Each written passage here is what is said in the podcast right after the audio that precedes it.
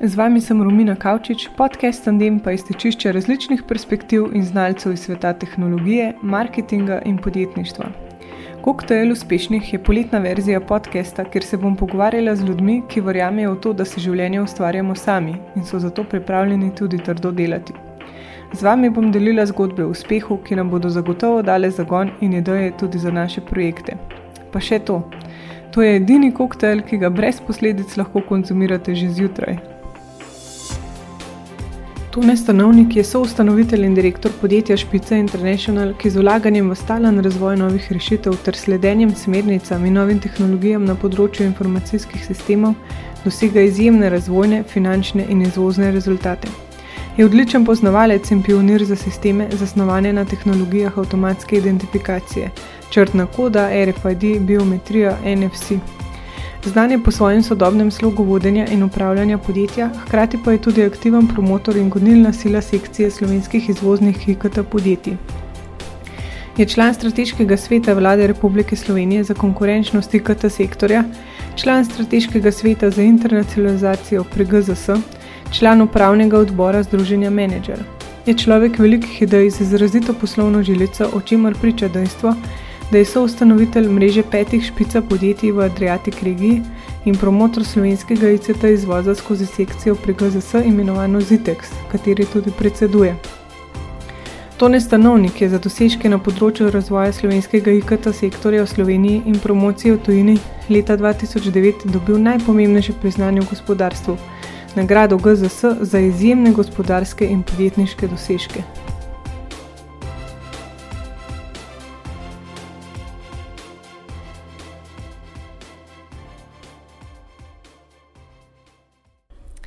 Um, Špica je danes en vodilnih um, podjetij, ki ponujate pač rešitve za logistiko in avtomatsko identifikacijo. Pa me zanima, kje se je vaša zgodba sploh začela, kaj so bili prvi projekti. Ja, mi smo začeli pravzaprav ekipca treh sodelavcev. V bistvu takrat smo bili sošolci na fakulteti.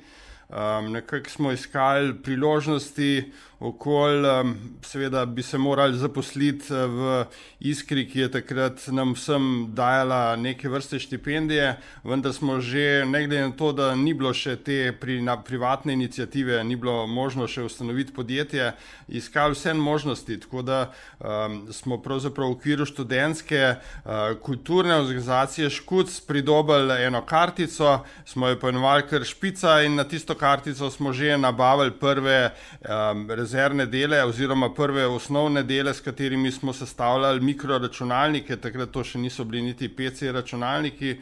Tako da smo prva znanja zgradili in seveda jih povezali s tem, kar smo pravzaprav uh, se učili tudi na fakulteti, tako da je bilo to prijetno s koristnim. Um, to je bilo bolj na koncu fakultete, s kolegi smo jo mahnili še, to, to je značilno za elektrofakulteto v Ameriko, z, po končanem študiju en mesec uh, kroženja po Ameriki in seveda ta Amerika imela svoj vrsten vpliv uh, na, na to, kaj smo pol, ko smo se vrnili, uh, ko smo dali skozi vojsko, takrat smo mogli en let uh, tudi služiti uh, vojaško službo službo, ko smo se vrnili nazaj, smo um, skozi določene priložnosti, ki so se pokazale na trgu, takrat so prvi PC računalniki prišli, um, štartali ta naš, uh, bi rekel, to našo špico. V špici ste pa v bistvu od začetka leta 1989 kot direktor. Pa me zanima, kakšna znanja mora imeti direktor, da 29 let ostane tako inovativen in prodoren, pa seveda, da vam tudi delavci zaupajo. Ja, mm, me v bistvu včasih vprašajo, kaj se mi zdi, da je bila pravzaprav najboljša poteza moja. Uh, na samem začetku špice um, se mi je zdelo kar drago, tam je bilo ranga 5000 mark v tistih časih, uh, nek tečaj, uh, tako imenovane finance za tehnične telebane ali pa tehnične kadre. Jaz sem uh, se vseeno odločil, da sem na ta tečaj šel in uh, sem vse življenje do zdaj cenil to kot odlično potezo. Zdaj v zadnjem obdobju pa vedno bolj razmišljam, da mogoče bi bila še boljša od te poteze, da tudi kadrovsko funkcijo nekako postavim eh, v prioriteto, še pred financami. Eh, to sem sicer v zadnjem obdobju jasno tudi storil, tako da se nam to tudi v špici pozna, se pravi. Ponavadi pravijo, ali pa jaz tudi trdim to, da so finance pogled v preteklost, kako je firma v preteklosti poslovala. Kadri pa so le pogled v prihodnost, oziroma neke vrste investicije v prihodnost. Tako da um, No, ampak vseeno mislim, da so finance, tako bi rekel, bazična zadeva. Se veste, brez denarja se še tako dobra ideja ne prebije naprej. Tako da mislim, da je ta odločitev, da sem takrat eh, izbral tak, eh, bi rekel, tečaj, kljub temu, da je bila cena visoka, je se je dobro odrazila. Seveda je tudi izbor fakultete v tistem času bil neke vrste sreča. Sreče seveda ni kdo jo ne išče, ampak vseeno eh, je bila elektronka računalništvo takrat v, v začetnih fazah in smo bili v pravem trenutku na pravem mestu. Mhm. Pa že takrat, verjetno, v sponu računalništva. Ja, jaz sem imel srečo, sem bil v enem takem laboratoriju, kjer so prišli prvi PC računalniki, IBM-ovi um, na mizo. Um, nalogo, ki sem imel takrat za, za, za diplomo, je bilo, da razpoznam uh, s takim računalnikom um, kvadrat od kroga uh, z nekim programskim, uh, bi rekel, uh, s programskim orodjem. Uh, to je počel ta računalnik um, kar ene par uh, dni. Jaz sem rekel, da se to da mogoče malček boljš narediti s kakšno drugo tehniko in sem opazil te črtice, črne, bele, se veste, to so nule pa enke in pri računalnikih eh, je to relativno hitro lahko nek algoritem, tako da smo naredili prvi algoritem za razpoznavo črtne kode in so bile pol dosti bolj hitre reakcije računalnika, je to kvadrat ali krok, če ste ga z črtno kodo označili. Seveda si razpoznal lahko tudi vse artikle, ki se nahajajo v trgovinah in tako naprej. Tako je pravzaprav nastala ta ideja uh, avtomatske identifikacije, ki je neke vrste tehnološka rdeča nit skozi špicine izdelke. Uh mhm. Ja, na začetku ste imeli črtno kodo, pol ste se pa v bistvu premaknili na RFID. Ali še zdaj, še vedno uporabljate črtno kodo? Črtna koda je pravzaprav še vedno neke vrste um, najcenejši medij, ki spremlja pravzaprav um, artikle, vse to o sami opaste v trgovini, še vedno vlada ta tehnologija, se pa v nekaterih segmentih seveda prebija RFID. Mi smo pravzaprav rekli, da samo tehnologijo prav veliko kruha ne bomo mogli zaslužiti, tako da smo že v samem začetku tehnologijo ugradili v tako imenovane sistemske rešitve. Ena od takih pomembnih ali pa ključnih naših rešitev je evidenca delovnega časa, kontrola pristopa. Tam imate pravzaprav, uh, včasih ste imeli žigosne kartice in so se ljudje štampljali, pa žigosali, kot so rekli. No, mi pravimo, da se pri špici zdaj našpičmo in seveda kartice niso več za žigosati, ampak so to uh, po tej črtni kodi, ratale magnetne kartice, zelo hitre RFID kartice. Tako da smo pravzaprav uh, pionirji RFID-ja že svojih 20 let. Zdaj pa RFID uporabljamo tudi v, v drugih aplikacijah, v zadnje čase, zelo takih, bi rekel, zelo specifičnih, recimo uh, da so te čipi ugrajeni v oblačila, delovna oblačila, tako da, ko jih date v pranje, vedno dobite svoje oblačilo nazaj. Hkrati pa ta RFID v oblačilu tudi omogoča, da, ne vem, recimo to smo inštalirali tudi pri premogovniku velenja, da v bistvu ugotovite rudarji, v katerih rudnikih so, če pride do kakšne nesreče, tako da lahko tudi poskrbite bolj hitro in agilno za varnost ljudi, delavcev. Uh -huh. Ja, to je zelo smiselno. Kako pa se sploh lotevate razvoja oziroma inoviranja obstoječih produktov? Ja, uh, imamo v bistvu, uh, seveda, v firmi nas je več in uh, s sodelavcem, ki smo nekako tudi ustanovitelja, sva ponavadi vsak na svoji strani, nekako drživa levo in desno, črno in belo, noč in dan. On je eh, pravzaprav rojen sicer v Črni Gori, je pa študiral, bil moj sošolc eh, v Sloveniji na fakulteti, tako da sva pravzaprav sever in jug, vsak svoj pol drživa. On je zadolžen za produktno stran, jaz pa bolj za prodajno. Ne. Tako da, seveda, so uh, kupci glavni, uh, glavni vir in inoviranja, hkrati pa morate včasih uh, vse te ideje, ki vam jih kupci prinesejo, uh, primerno uh, presejati in ta prave uh, izbrati, tako da produkt ni preveč zakompliciran in ima preveč, en, bi rekel, funkcij in zaradi tega ne uporablja, uh, težko upo, upo, intuitivno uporaben. Tako da skrb, seveda, produktnega vodja je, da vse ideje, ki jih mi iz prodaje prinesemo, poseka, pre, prepili, premelje in pravzaprav samo glavne ugradi. Razlog um, je, ki je, mislim, rezultat tega je enostaven produkt, ki ga lahko uporabljajo potem uh, uporabniki tako v arabskem svetu, kot v Ameriki, kot v Sloveniji. To je namreč zelo pomembno za izvoz, ki je en od naših ključnih usmeritev. Uh mhm. -huh.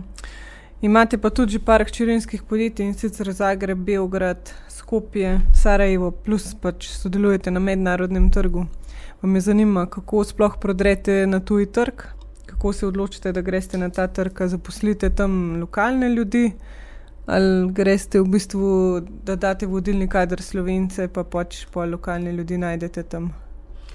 Ja, nekako se je to razvijalo tako organsko. Zdaj se nam je pravzaprav, da je vedno za manjša podjetja internacionalizacija lažja, ko uh, bi rekel, dosežete te vaše.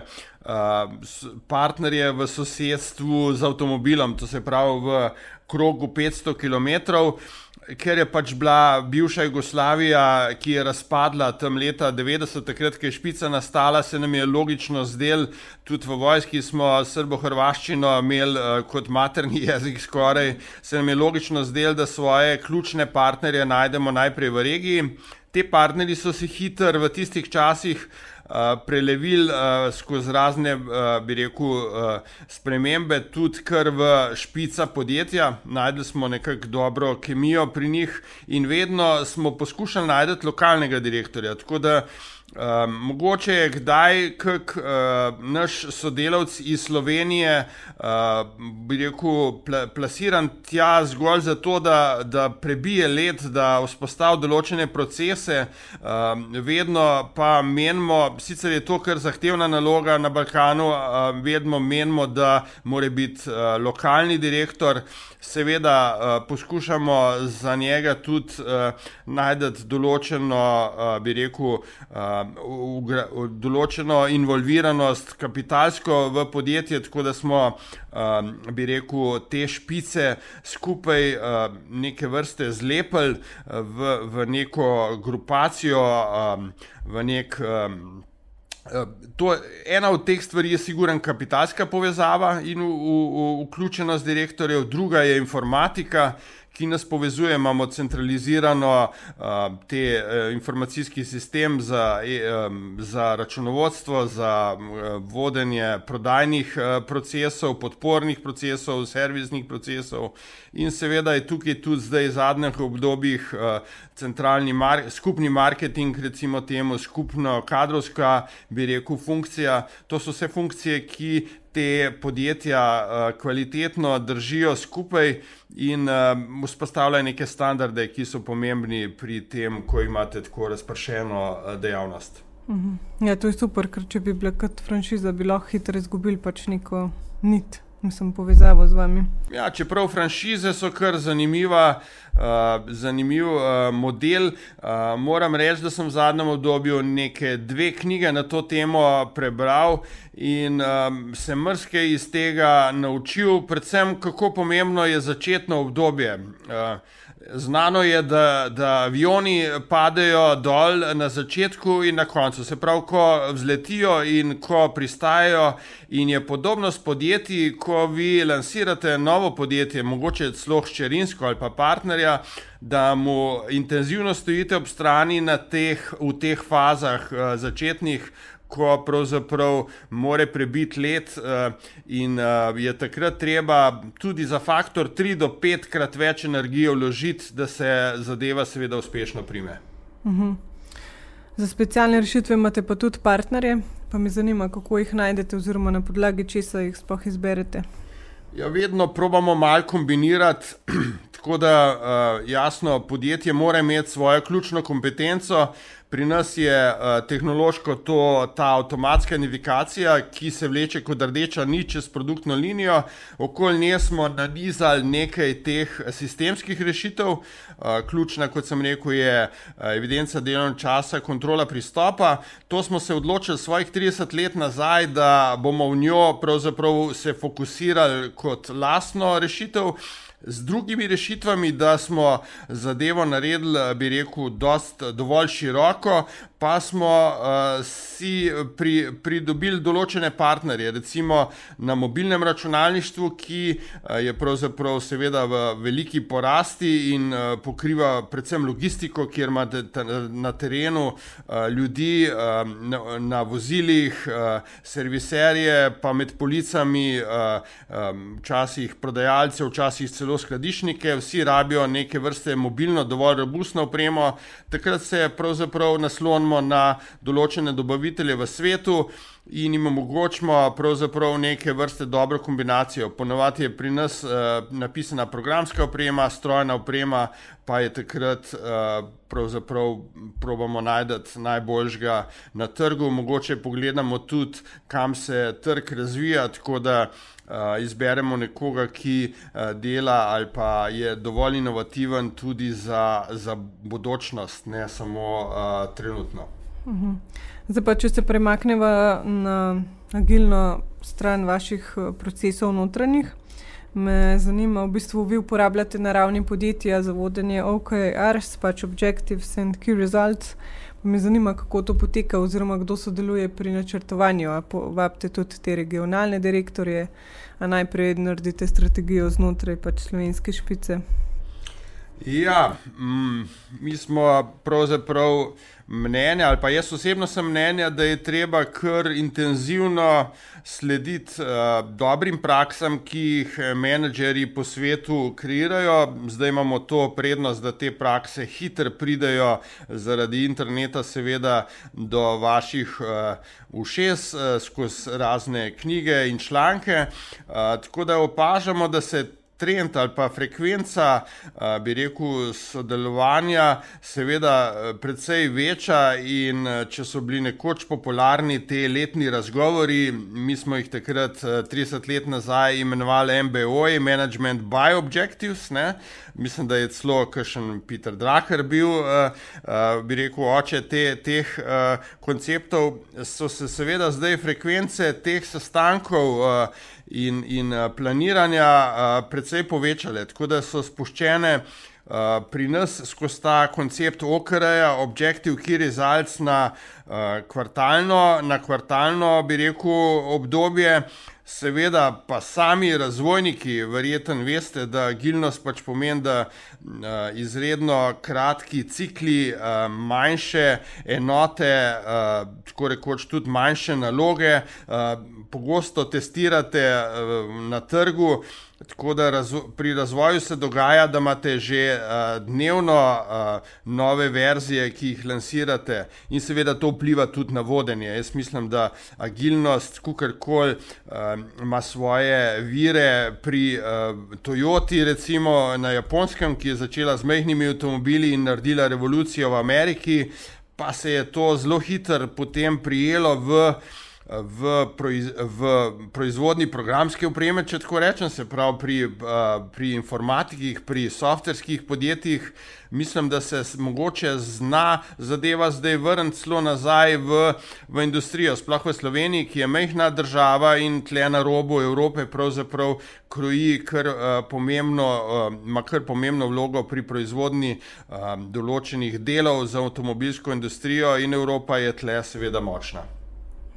Ja, v manjših podjetjih je lažje začeti, pa pol če rastejo. Ne?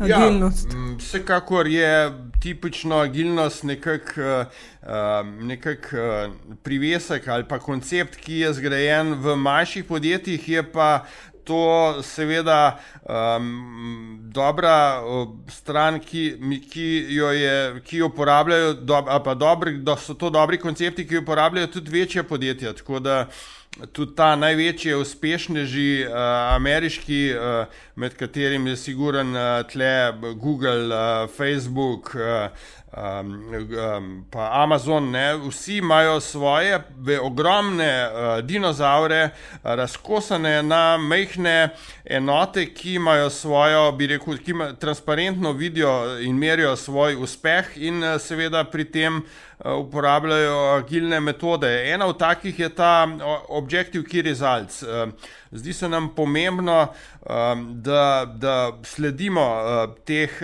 te pristope uh, in uh, pravzaprav najboljše stvari uh, poberemo in jih nekako uh, zmešamo z našimi tle lokalnimi. Meni se zdi, mogoče malček škoda, da zgodovino, ki smo jo zgradili v teh krajih, jaz rečem včasih balkanskih krajih, popolnoma zanemarimo. Mi smo šli skozi obdobje samo upravljanja, mi smo šli skozi obdobje nesvrstanosti ali pa neuvrščenosti, če hočete. Ne?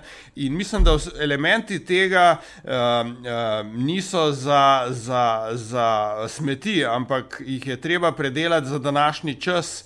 In uh, mislim, da bi bila to odlična kombinacija za Slovenijo uh, in seveda za podjetništvo v Sloveniji. Ja, vsekakor imam tudi jaz dobre izkušnje pač z agilnim vodenjem, tako da se stvari hitreje premaknejo. Um, zdaj me pa zanima, kako najdete delavce, ker vemo, da IT kadra primankuje, sploh pa pač dobrih ljudi. Um, imate vi kakšno predhodno no, in sprejemne teste, vam je bolj pomembna osebnost pred znanjem, pa jih pol pač izobraste?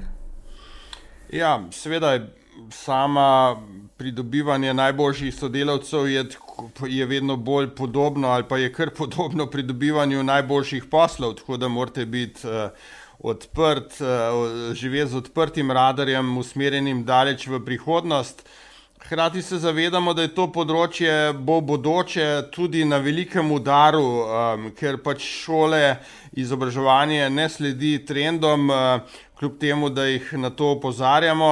Um, se v zadnjem obdobju tudi velike industrije, kot je vem, BMW, pa kolektor pri nas, če hočete, napovedujejo, da bo v prihodnje, v prihodnih petih do desetih letih polovica teh podjetij informatikov, tako da bo seveda popraševanje tle še toliko večje. Mi smo to seveda zaznali in uh, si po nekakšnem uh, enem obdobju le uh, privoščili kadrovsko službo, se pravi, prav sodelavko, ki uh, je zdaj zaposlena za to področje, vzpostavili procese.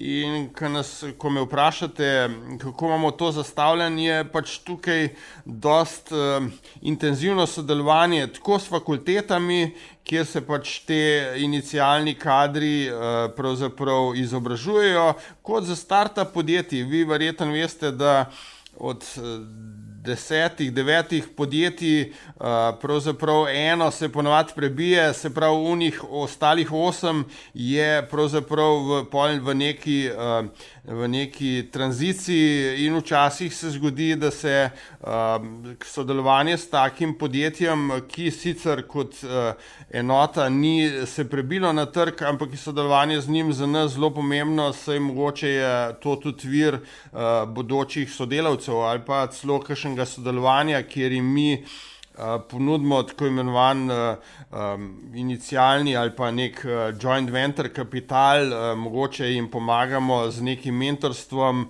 uh, jim odpremo kakšen tržni segment uh, in je tako sodelovanje potem uh, odlično za obe podjetji, za nas, ki smo 30 let že stari, pa za njih, ki so na samem začetku, jaz mislim, da ta agilnost uh, v sodelovanju z velikimi obstoječimi uh, podjetij je tako rekoč uh, nujna. In tudi uh, slovenskim podjetjem pogosto predlagam, da vsako podjetje, ki je danes uspešno, pa ima za sabo že neko kilometrino, more investirati, mentorirati v um, neke tri start-upe in na ta način si okolj po robu omogočiti uh, to agilno inoviranje, ki je nujno za jutrišnji dan, saj firme danes relativno hitro končajo brez take funkcije na robu, ki išče nove modre oceane, nove priložnosti na trgu. Mm pa še dobivate v bistvu neko novo energijo, podjetje, mogoče čez nek novo perspektivo. Ne? Zelo, zelo dobra, zelo dobra, dobro opažanje, seveda. Uh, po 30 letih človek uh, v nekaterih uh, smerih nekako zastane, ali pa nekako zaradi ustrajnosti uh, se ne vidi uh, določenih stvari, ki jih vidi mlajša generacija, ki prihaja čez iz drugih bi rekel, z drugimi eh, predpostavkami eh, na trg. Tako da v bistvu to sodelovanje sigurno prinaša nove poglede, ki eh, nam pravzaprav odpirajo dimenzije, ki jih pravzaprav mi z našim znanjem, z našo zgodovino pravzaprav niti nimamo in, in, in je to sodelovanje ključnega pomena. Kako pa omenili ste tudi, da sodelujete s fakulteto, torej pač povabite študente sem na prakso in pol vidite, če so primerni in jih mogoče kasneje tudi zaposlite. Ja, seveda je to en od načinov, ki je pri uh, informatikih uh, zelo, zelo popularen, se pravi, probamo poskušati sodelovati že v zaključku študija, tako da pravzaprav hkrati pa vedno poudarjamo in tudi se trudimo, da uh, se slučajno ne zgodi, da študent, ki v zaključku uh, prične delati v špici, da seveda študij tudi zaključi. Pogosto probamo kombinirati tudi kaj s profesori, najti kakšno uh, diplomsko nalogo, tako, ki se tudi praktično potem lahko uporabi v špici, vsaj mogoče kot neke vrste raziskava. In uh, je to uh, definitivno odlična kombinacija. Študent spozna okolje špice in vidi, ali mu ustreza hkrati pa mi spoznamo njegove delovne navade, njegov, njegov pristop in uh, je pol to bolj, neka bolj varna odločitev, tako za nas, kot za njega. Hm. Veliko se ukvarjate tudi s kulturo podjetja. Pa me zanima, v bistvu, ali delavce motivirate na skupinski ravni ali na osebni ravni, da veste, pač, kaj jih motivira in jim pač to tudi nekako omogočite. Um, ker se mi zdi, da je zelo pomembno, da jih tudi zadržite. Pol. Ja, kultura to ni nekaj, kar bi v bistvu prav posebej uh, izpostavljali. To je nek način življenja podjetja. Mi, mi mislimo, da se prepleta v špici uh, te tri krovne zadeve, kot so poslanstvo, vizija, kultura. Uh, vse tri se predvsej pletejo okoli. Trenutnih trendov, mi temu rečemo učinkovitost in agilnost, se pravi, kako uh, podjetjem, ki dosežejo maksimalno učinkovitost in imajo občutek, da so prišli do stropa, ne morejo naprej, kako jim odpreti možnost, da dodajo preko te učinkovitosti še agilnost. Namreč agilnost prinaša predvsej novih dimenzij v, v, v poslovanje.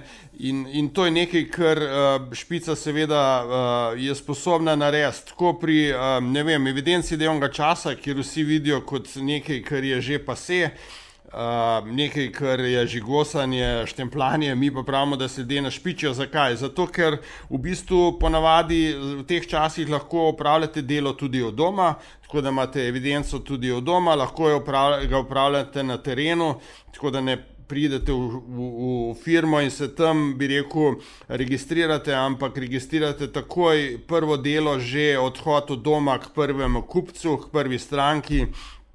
Tako da je veliko elementov, ki smo jih sposobni narediti za to, da delo uh, in, uh, in delovni čas postaje fleksibilen. Um, tako da lahko pravite, mogoče določene več dela, takrat, ker ga je, ko se ga več nabere. Um, vprašanje je bilo um, usmerjeno, malo sem zašel v to. Kako zagotavljate strast do delavcev, pač ja, kako jih motivirate? Motiviranje je pravzaprav ni nekaj, kar uh, rečemo, zdaj, rečemo, zdaj se bomo pa motivirali, ampak se mi zdi, da je mogoče neki tri elementi, uh, mi pridejo na misel pri motivaciji. Ta prva je da pustimo, seveda, precej avtonomije, se pravi, um, da ima vsak zaposlen nekako možnost, da sam izbere v okviru smernic, ki jih v vodstvu nastavimo in jih komuniciramo, tako da, se, da so jasne, sam izbere neko svojo, neko svojo smer, ki jo potem pelje in, ne, in v tej smeri pravzaprav zgradi potem neke vrste uh, svojo izredno učinkovitost ali pa recimo temu odličnost. Ne? Zdi se mi, da to, da si uh, avtonomen in da si tistem, v tisti smeri, ki jo izbereš, tudi odličen, se pravi najboljši med. med, uh, med uh, Na, na, na, recimo na, v, de, določenem, v določeni smeri na trgu, ne, se mi zdi zelo pomemben. Seveda je za vse vedno pomemben tudi uh, vodja, ki more neko vizijo postaviti in uh, neke cilje, ki so dovolj visoki, da se za njih uh, splača izjemno potruditi. Tako da te tri elementi, nek, nek skupni cilj, ki je ponavadi uh, lažje dosegljiv ali pa edino dosegljiv, seveda, če sodeluješ. To se mi zdi pomembno, se pravi, sam določenih ciljev nikoli ne moreš doseči, v sodelovanju pa ja. Um, druga je ta avtonomija in tretja je ta odličnost. Te tri elementi se mi zdi, da, da potem centri uh, petalno pritegnejo špičake, da se uh, vključijo v, v, to, v to naše pleme in da, da jim je tlep. Uh, v veliko veselje hoditi v službo. To je, po mojem, zelo pomembno. Uh, tudi če tako gledate, je naša logika taka, da se nam zdi, da po prioriteti je seveda najprej kupec in njegove potrebe, želje, potem smo zaposleni ne, in šele na koncu pride na vrsto, ne vem, recimo um, dobiček, pa lastniki. Tako da se mi zdi, da je ta prioriteta dovolj, uh, mislim, prava logika, ki potem seveda privlači uh, tako kupce, kot zaposlene, in uh, je to sodelovanje uspešno. Ja, mora imeti vsak zaposlen tudi sam željo rasti. In po mojem, s tem, kar ste omenili, je fulaži. Ja, seveda, probamo pri izboru zaposlenih vedno najti uh, sodelavce, ki imajo neke vrste drive, se pravi motor uh, uh, in željo porasti. Uh, v špici pač omogočamo to, da ta rast je relativno hitra, uh, tudi stimuliramo dodatno uh, določ določena izobraževanja. Čeprav se nam včasih zgodi, da uh, kakšen sodelavec, ko je v kakšnih izobraževanjih v tujini, tudi v tujini ostane, ampak je to del, uh, del, bi rekel, življenja in se nam zdi logično. In je boljše, da imamo uh, izobražene sodelavce, kot da uh, imamo ljudi, ki jih držimo zaprte in pravzaprav nimamo, nimajo te možnosti, da, odprejo, da se odprejo v svet. Mhm. Zdaj pa, če pogledamo malo bolj na splošno, kaj mislite, da manjka slovenskim menedžerjem, kakšno znanje? Ja, um, tako bom rekel. No, prej sem že malo načel, zdaj v zadnjem obdobju sem zelo pod vtisom tega, kako je um, Japonska uspešno v določenem obdobju um, atakirala na trg, avtomobilski trg ameriški, ki je bil pravzaprav zasičen. Um, te vse revolucionarni vstopi v trg so ponovadi v spodnjem. V spodnjih razredih, ko um, zasičen trg začne uh, včasih uh, določene uh, dele outsourcati. Recimo, če gledamo računalniško industrijo, je zanimiv uh, primer dela. Del je bil izredno uspešen računalniški uh, gigant, ameriški, in je potem počasi določene stvari outsourcal v, na, na daljni vzhod in na koncu opazil, da je v avtomobilu tudi celo razvoj in seveda izgubil to ključno, ključne svoje elemente. Podobno je pri avtomobilski industriji, ki jo lahko opazujemo v Evropi.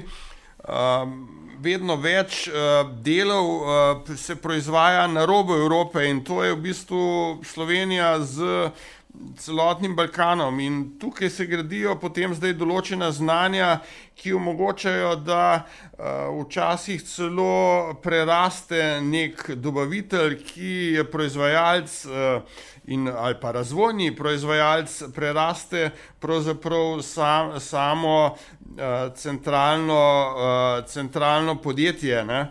Tako da je v bistvu Jaz mislim, da je uh, potrebno opazovati intenzivno trende okoli sebe. Trenutno je to sigurno trend uh, drobljenja naročil ali pa uh, bi rekel, naročila so zdaj, vsako naročilo je stranki narejeno na kožo. Uh, to so čist novi pristopi in uh, poskušati iz kakšnih drugih branž. Uh, potegniti dobro prakso in jo predelati uh, za, za svojo branžo, seveda pa tudi z drugih koncev sveta, tako da črpate potem lahko inovacije tako iz zahoda kot shoda in se skupaj uh, skombiniramo nekako v, v, v, za to naše področje. Slovenija je na enem takem odličnem, uh, odličnem koncu sveta. Jaz pravim, da ima tri ključne prednosti. Prvič je tako mehna, da smo vsi izvozniki že pri rojstvu, se imamo eno uro do vsake meje. To je velika prednost, za razliko od Amerike, ki američani se počutijo, da je Amerika pravzaprav celoten, uh, uh, celoten planet, uh, se ne zavedajo, da je izvoz uh, tako ključen, uh, namreč izvoz vam tudi našpiči produktno linijo in, in ponudbo. Ta druga velika prednost za Slovenijo, poleg te mehkosti, je, da smo na tem delu sveta, ki se stalno spreminja. Balkan je v stalnih spremembah, tega si zahodne velike države ne morejo privoščiti, zato lahko tudi intenzivno tle uh, testiramo kakšne pilotske zadeve in smo tako imenovani uh, zgodni uporabniki, early adapteri. Ne? In tretja zadeva, da smo na prelomnici med shodom in zahodom in je pravzaprav to nam uh, kar pomembno pomembno omogočali že v časih, eh, prejšnjih časih, tako imenovano neuvrščenost. Ne? Se pravi, če, bi, če modro vodimo politiko med shodom in zahodom, eh, verjamem, da lahko v bodočnosti odigramo pomembno vlogo tudi znotraj Evrope. Mhm. Kako pa ohranjate inovativnost v podjetniškem mišljenju? Ja, tako bom rekel, zdaj. Um, sem, um, ena od mojih pristopov je, da zadnje čase malček več berem. To sicer ni branje, ampak je bolj poslušanje knjig, ker sem ugotovil, namreč v osnovni šoli sem, sem bil levičar in uh, potem v drugem razredu so intenzivno. Uh, Uh, mi v šoli, pa tudi starši, težili, da moram z desno začeti pisati, in sem pravzaprav v tistih pritiskih, da začnem pisati z desno roko, uh, Jasno, nikoli nisem eh, šel na desno, sem ustrajno, še vedno inten, uh, uh, zagrizen levičar, uh, ampak v, v glavi se mi je postavilo to čitanje. Pravzaprav sem uh, izredno slabo čital. Ne? V zadnjem obdobju, ko so prišle te knjige, audio knjige na plano, uh, pa, pa tako rekoč požiram knjige, se pravi, uh, vsak trenutek, ali je to na kolesu, ali pri športu, ali kjerkoli, uh, ko, ko imam možnost, pravzaprav uh, požiram trenutno knjige in te knjige so kar sve, uh, prinašajo sveže koncepte. Uh, tako z ene kot z druge strani, in se mi zdi, da je to nekaj, kar me drži tako rekoč v trendu, kaj se eh, dogaja v svetu, hkrati me pa drži v trendu za mlajšo generacijo. Sej eh, mlajša generacija precej drugače razmišlja, precej novih pristopov in se mi zdi to. Eno takih uh, za mene osebno revolucionarnih sprememb. In eh, se mi zdi, da hitreje, mogoče celo napredujem, kot v obdobju, vsaj na, na teh uh, menedžerskih, bi rekel, uh, konceptih, metodologijah, kot v obdobju, ko sem uh, firmo začenjal. Mhm. Pa se vam zdi tudi pomembno, da se pol mrežite in seveda pogovarjate o teh novih konceptih. Ja, to je zelo pomembno. Tudi v enem obdobju sem na tem področju veliko delal. Seveda pri tem mreženju je tako, da zadeva mm, nekako zahteva kar precej velik čas, angažmaja in potem včasih trpi podjetje samo. Tako da v zadnjem obdobju mogoče malček več se ve, spet posvečam. Uh, Podjetju, seveda pa stalno in probujem sodelovati v vseh teh uh, Eh, bi rekel, pobudah mentorskih, tako da sem pravzaprav mentor v ne par uh, start-up okoljih slovenskih. Uh, Hkrati pa je že, že, kot sem prej omenil, kot vodja prodaje, za mene ključnega pomena, da poznam čim več ljudi, tako doma kot v tujini. Na tem področju, kjer funkcioniram, ker vedno v teh komunikacijah pri, se pokažejo nove priložnosti, ki jih velja izkoristiti, in seveda, kakšne nove ideje, ki jih velja implementirati v lašnem podjetju. Mhm. Kaj pa vam pomenijo nagrade? Špica jih je že kar nekaj dobila v vseh teh letih. Ja, zdaj smo v eni knjižnici, kjer smo včasih imeli celo vse te plakete, nagrade uh, na stenah, vendar se je tega kar precej nabrali. Tako da uh, siguren so nagrade uh, pomemben del uh, neke, neke vrste uh, potrditev tega, da uh, pluje podjetje ali pa flota podjetij špice v, v pravo smer um, in seveda bomo veseli vsake, vsake take, bi rekel, uh, uh, potrditve tudi v prihodnje. Um, drugač pa so največja nagrada za nas, pravzaprav posli, ki jih dobimo, in uh, vedno bolj uh, so to posli v tujini. Namreč naše mnenje je, da je uspeh v tujini.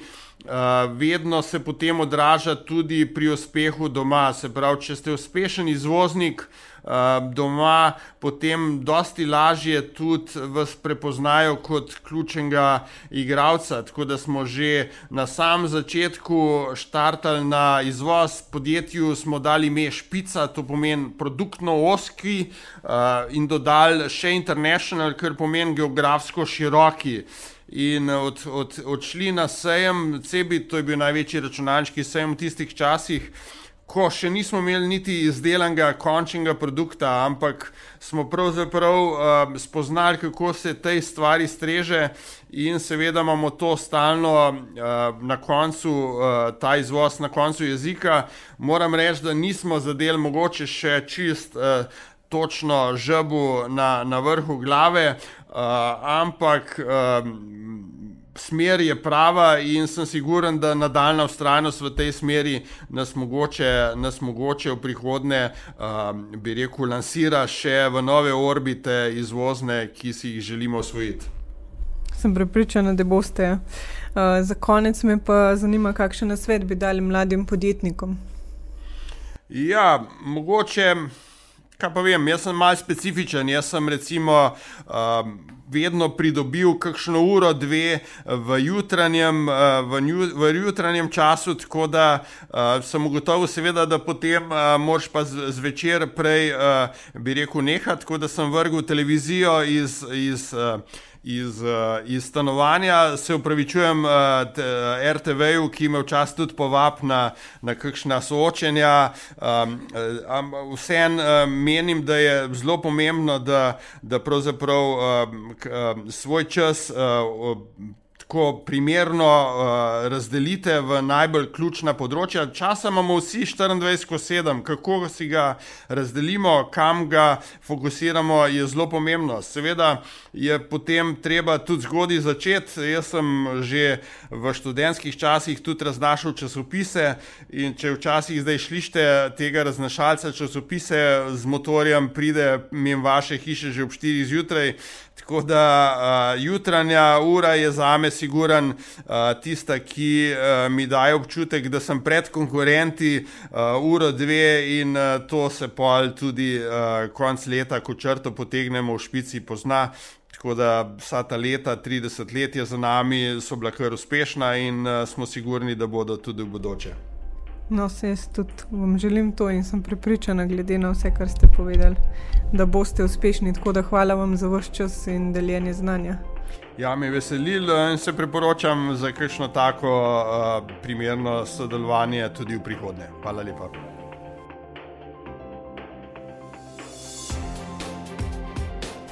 Za konec uh, naj povem še to, da je podcast Tandem neprofiten in samostojen. Če ga želiš podpreti, bom zelo hvaležna, če poveš še prijateljem ali postiš komentar na iTunesu ali Facebooku, da se znanje lahko hitreje širi. Najlepša hvala. Do naslednjič, hvala za poslušanje in se slišimo k malu.